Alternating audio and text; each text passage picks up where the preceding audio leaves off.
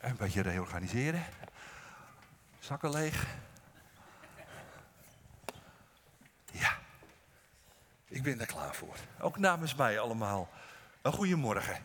En natuurlijk ook jullie thuis ook een hele goede morgen. Of jullie nu, nu kijken of later kijken, een goede morgen. Ik vind het leuk om weer in mijn thuisgemeente te zijn. Het is alweer een hele tijd geleden. Heel fijn vind ik dat. André zei net, er onderzoeken gedaan in Amerika, vanzelfsprekend. Maar ik wil hier vanmorgen een onderzoekje doen. En een beetje, dat ben ik eigenlijk helemaal niet gewoon om dat zo te doen. Dus ik vind dat best een beetje spannend. Maar ik wil jullie vragen om te gaan staan. Want ik ga jullie wat stellingen voorleggen. Ik leg je een stelling voor. En als die stelling nou op jou of op u van toepassing is, dan ga je weer zitten. Als die niet van toepassing is, dan blijf je staan. Nou, heel eenvoudig toch? Daar komen ze. Ja, het is net een beetje. eh, ik, zeg het zo meteen nog wel een keer, want dat gaat geheid fout. Dat voel ik ook wel aankomen. Oké, het, zijn- het is niet licht, het zijn zware stellingen. De eerste. De eerste stelling is. Uitspraak. Er is op geen enkele manier sprake van lijden, ziekte of dood in mijn leven. Niet in mijn eigen leven en ook niet in het leven van mijn familie of vrienden. Dus als u zegt van oké, daar word ik helemaal niet mee geconfronteerd, dan gaat u weer zitten.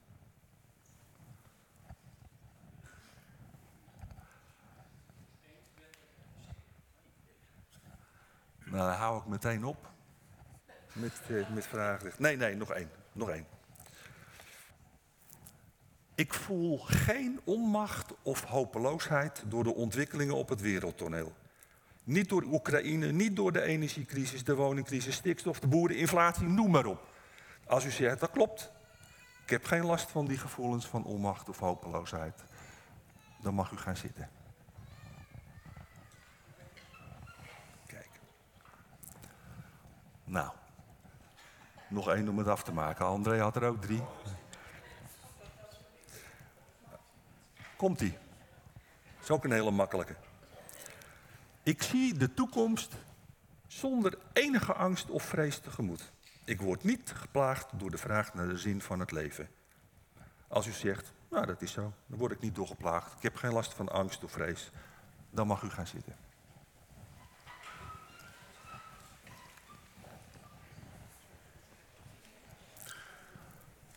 Kijk, nou hebben we twee groepen over. Zitters en is een beetje een raar woord misschien, zitters en staners. En degenen die zitten, die hebben het op dit moment misschien wat beter getroffen dan de staners. Misschien hebben de staners, luister goed, misschien hebben de staners zelfs wel moeite om staande te blijven. Want in hun leven is er dus wel sprake van al die dingen die ik net heb opgenoemd. In hun leven wel. Maar dit is maar een momentopname. Dat is ook weer het aardige. Morgen kan het weer helemaal anders zijn. Helemaal anders. Nou, hou nou dat beeld van deze twee groepen even vast. Ik kom er later op terug. En eh, de staanders, jullie mogen nu ook zitters eh, worden hoor.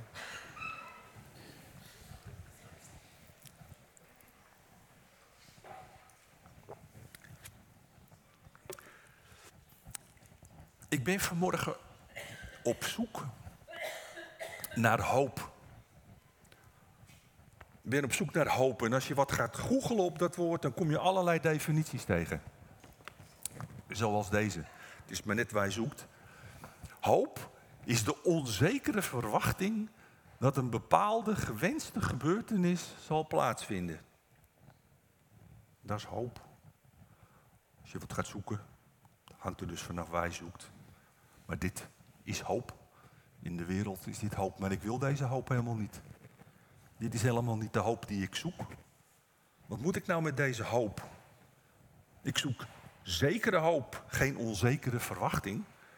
Ik, ik, ik ben op zoek naar hoop die zegt dat lijden, verdriet, de dood, wanhoop, angst en tegenslagen, dat ze niet het laatste woord zullen hebben. Naar die hoop ben ik op zoek. Uit die hoop wil ik leven.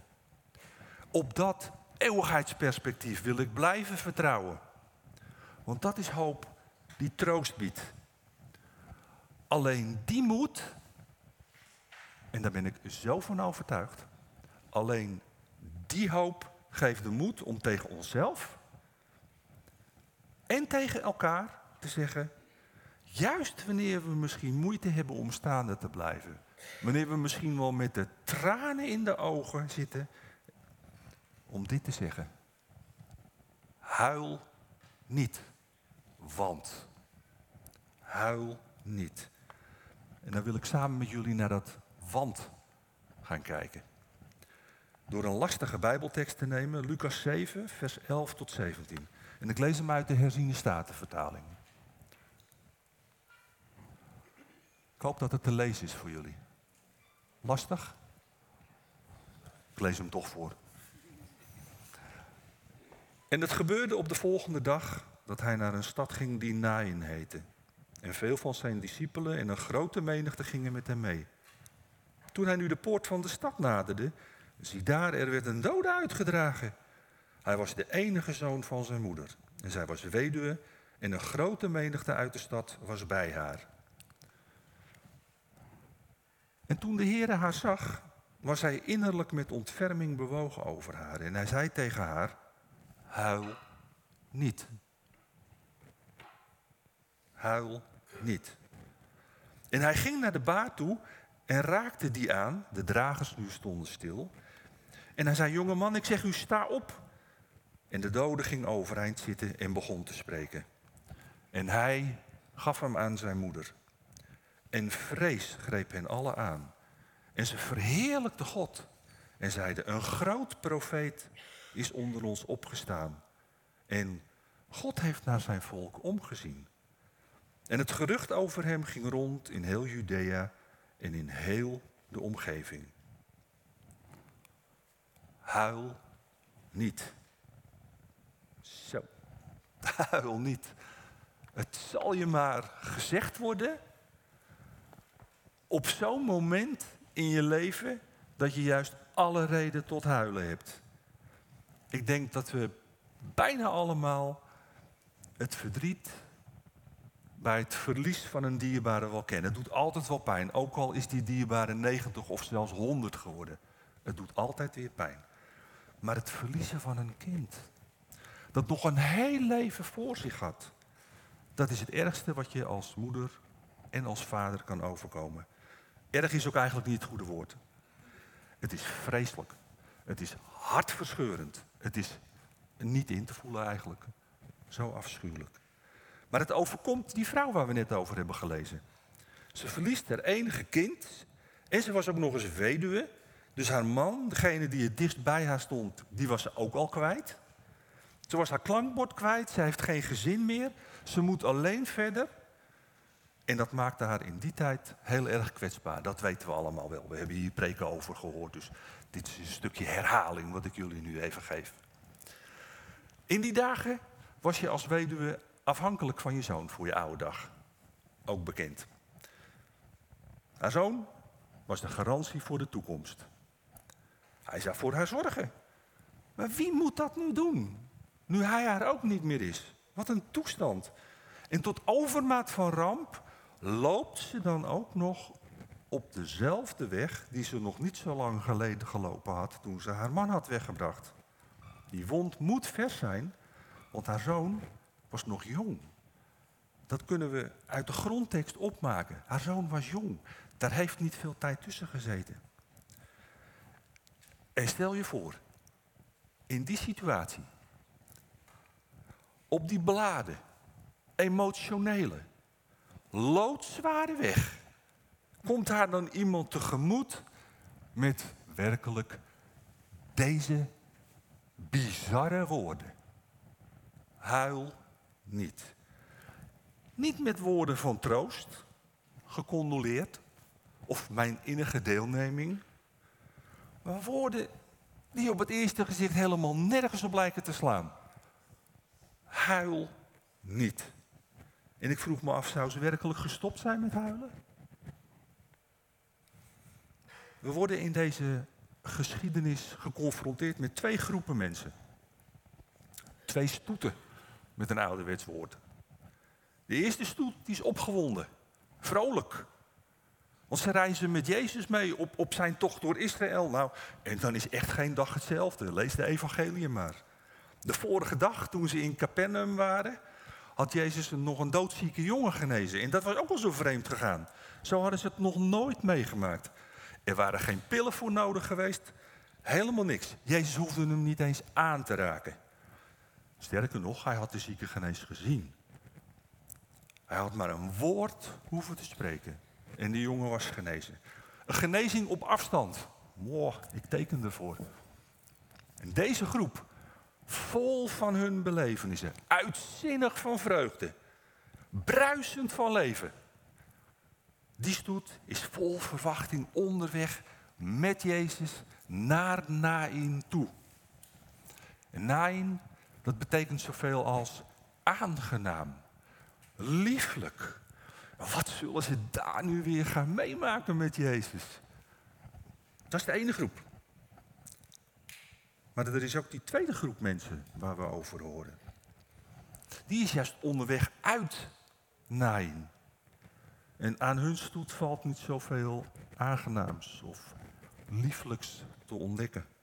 Zij zijn allesbehalve vrolijk en opgewonden, want in hun groep staat juist de dood en het verdriet van die weduwe centraal.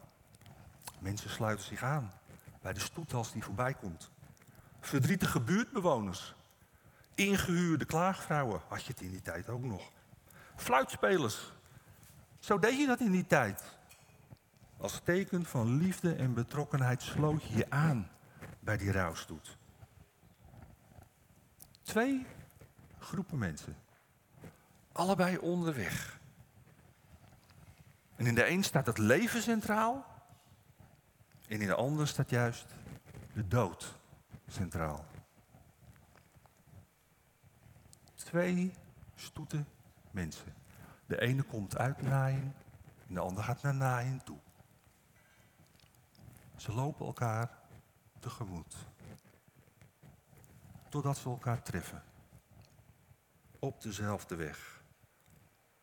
Tegenover elkaar.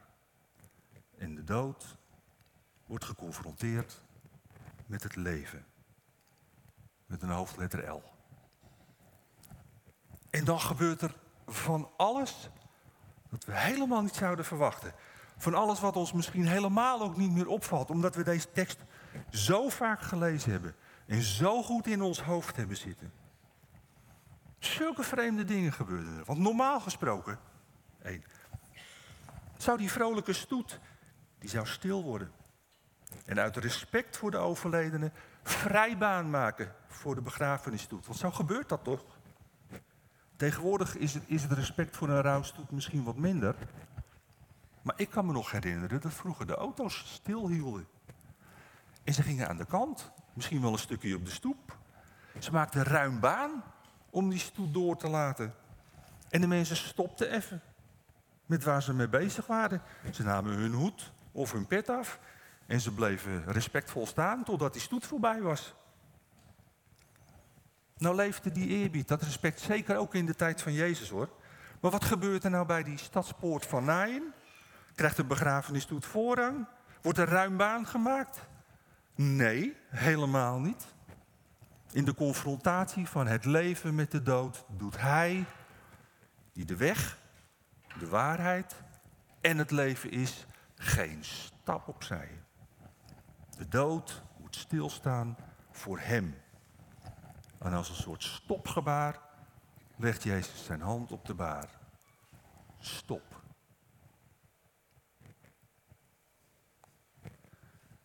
Ik weet niet hoe jullie ervaringen met uitvaarten zijn.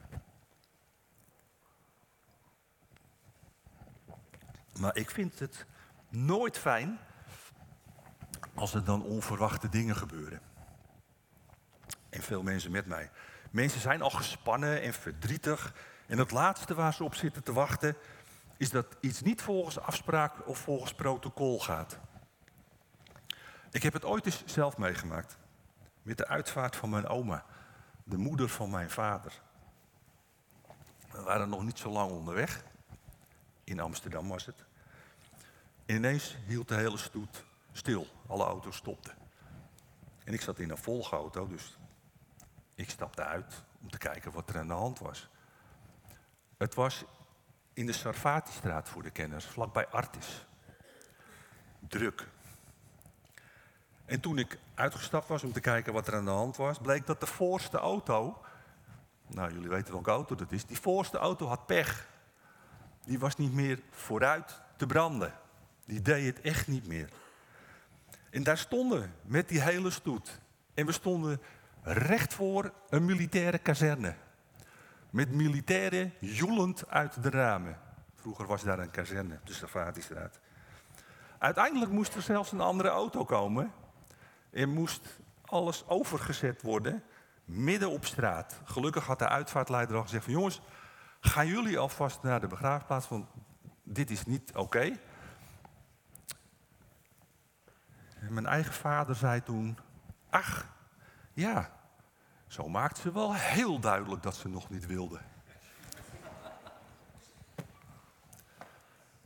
Maar ook al werden er van die grapjes gemaakt, je merkte toch dat het niet goed was voor je zenuwen hoor. Echt niet, het was niet goed. Maar dat is helemaal niets vergeleken met wat Jezus bij Nain doet. De dood wordt gestopt door het leven. Dat was de eerste. Dat was al behoorlijk onverwacht. Maar dan de tweede, want wat er daarna gebeurt, had echt helemaal niemand zien aankomen. Jezus zegt eerst die paar woorden, huil niet. Dan staat die dode jongen op. Jezus zegt, jongeman, ik zeg u, sta op. Die jongeman staat op. Hij begint te praten, wordt met zijn moeder herenigd. Is toch verbijsterend? Toch? Ik val bijna om. Verbij, verbijsterend. Maar daarna, als derde, gebeurt er nog iets heel onverwachts. Iets wat je zomaar over het hoofd zou kunnen zien. Want wat gebeurt er nou met die twee stoeten? Wordt dat één grote feestvierende meute die met z'n allen naaien intrekken van herberg naar herberg en zich vol vreugde volgieten en alle wijnvaten van de herbergier legen? Het zou toch ergens wel voor de hand liggen? Want het, het verdriet is toch veranderd in een vreugdedans? Nee, dat gebeurt niet. Lucas schrijft, vrees greep hen alle aan. Diep ontzag, niemand uitgezonderd. Iedereen die erbij was. Allemaal verheerlijkte ze God. En ze zeiden, een groot profeet is onder ons opgestaan. En God heeft naar zijn volk omgezien.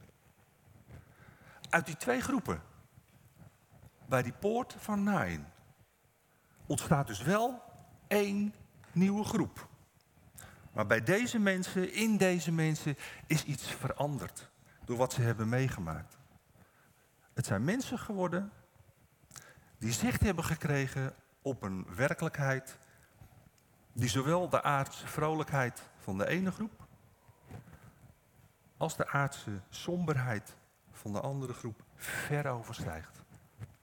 Het zijn mensen geworden die het gemeenschappelijke, dat wat ze bindt, niet meer vinden in de dingen die beneden zijn, maar die de hoofden omhoog richten. Onder de indruk. Allemaal. Want het besef is doorgedrongen dat God naar zijn volk heeft omgezien. Laten we eens wat uitzoomen nu van dat wonderlijke naaien. Want hoe moeten wij zoveel eeuwen later hier nou naar kijken? Naar deze gebeurtenis. Wat moeten we hier nou mee? Moeten we ons de vraag stellen waarom deed Jezus dat toen in Nain wel en hier in Zaanstad niet? Die vraag zou op je lippen kunnen branden. Waarom? Waarom? Toen wel en nu niet. Waarom? Waarom? Mij helpen ze niet verder, die waarom vragen. Misschien jullie wel, maar mij niet. Ze zijn niet zo zinvol. En ik bedacht me dat wat Jezus daar in Nain heeft laten zien, is dat waarop het uiteindelijk gaat uitlopen. Nain is een voorproefje van wat er gaat komen. In de opwekking van die dode jongen schuilt een hoopvolle belofte. En die belofte is dat er een dag zal komen. Waarop Jezus alle gestorven mensen zal aanspreken met de woorden: Mensen, ik zeg jullie, sta op. En dan zal zijn stem ook gehoor vinden. En dan zullen zijn woorden ook nieuw leven scheppen. Dan zullen mensen opstaan in heerlijkheid. Of ik daar iets van snap? Nee. Vanuit een natuurwetenschappelijk perspectief of welk ander perspectief dan ook, ik snap er geen hout van. Ik kan het ook wat vromer zeggen.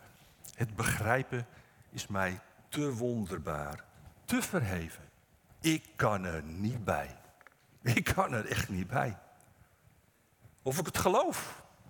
Ja, snap ik ook niks van. Met mijn hele hart geloof ik het. Of ik daarop hoop. Oh, zeker. Zeker. Deze zekere belofte, dat is toch de kern van onze christelijke hoop. Maar weet je, weet u, als we dan nog wat verder uitzoomen, dan zie ik nog een tweede bemoediging in deze geschiedenis. Niet alleen hoop, maar ook troost. Troost tot de tijd dat die belofte in vervulling zal gaan. Troost nu. Troost terwijl we leven in een wereld die overloopt van lijden, ziekte, dood, rouw, verdriet, crisis, noem het allemaal maar op. Een wereld waarin ook wij, net zoals die, als die weduwe, vaak alle reden tot huilen hebben. Want in die wereld lopen ook wij afwisselend in de stoet waarin het leven centraal staat en in de stoet waarin de dood centraal staat. Afwisselend in de stoet van wanhoop en in de stoet van hoop. Afwisselend in de stoet van angst en in de stoet van vertrouwen. En die twee stoeten die ontmoeten elkaar ook voortdurend in het leven. En heel vaak, is mijn ervaring, schuifelen ze dan wat schuchtertjes langs elkaar. En maken ze plaats voor elkaar. En ik snap dat ook wel, want, want wie in de stoet van het leven loopt, op de toppen van blijdschap door alles wat hij meemaakt, die heeft toch niet altijd zin of tijd om zich te verplaatsen in de gevoelens van die mensen in die andere stoet. Die heeft toch vaak helemaal geen zin in dat verdriet.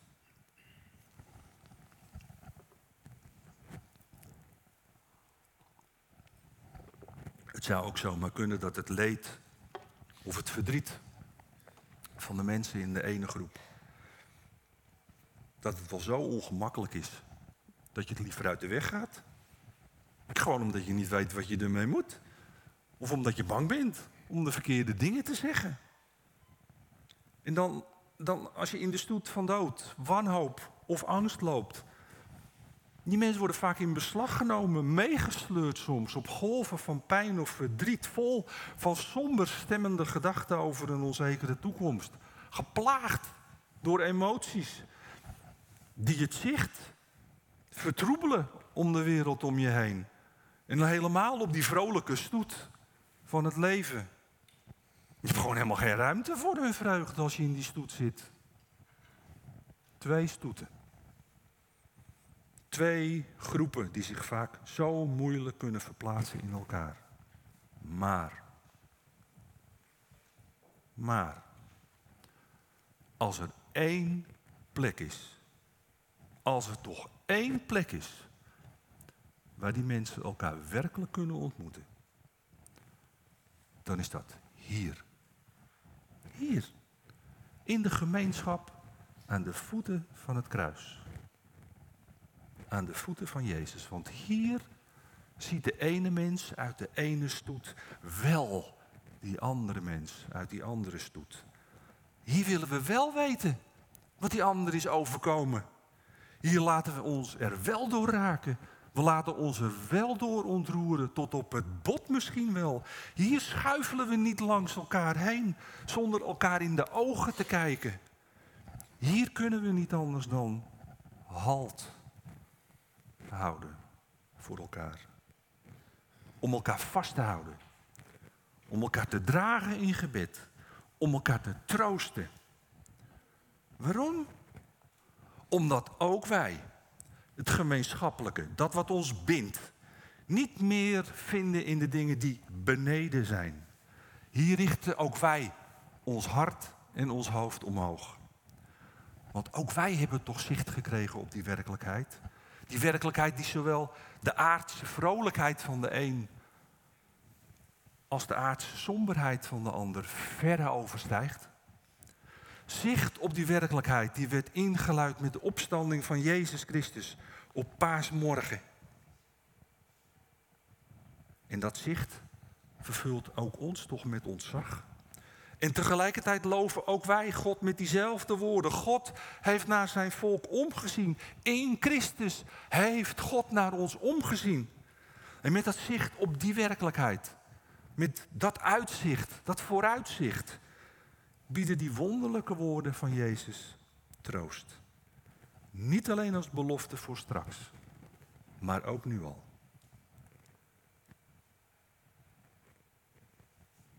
En alleen vervuld van dat hoopvolle perspectief hebben we de moed om tegen onszelf en misschien ook heel voorzichtig tegen elkaar te zeggen. Ook in die situaties waarin we moeite hebben om staande te blijven. Waarin de tranen misschien wel uit onze ogen lopen. Huil niet, want God heeft naar zijn volk omgezien. God heeft naar ons omgezien. God heeft naar mij omgezien. Amen.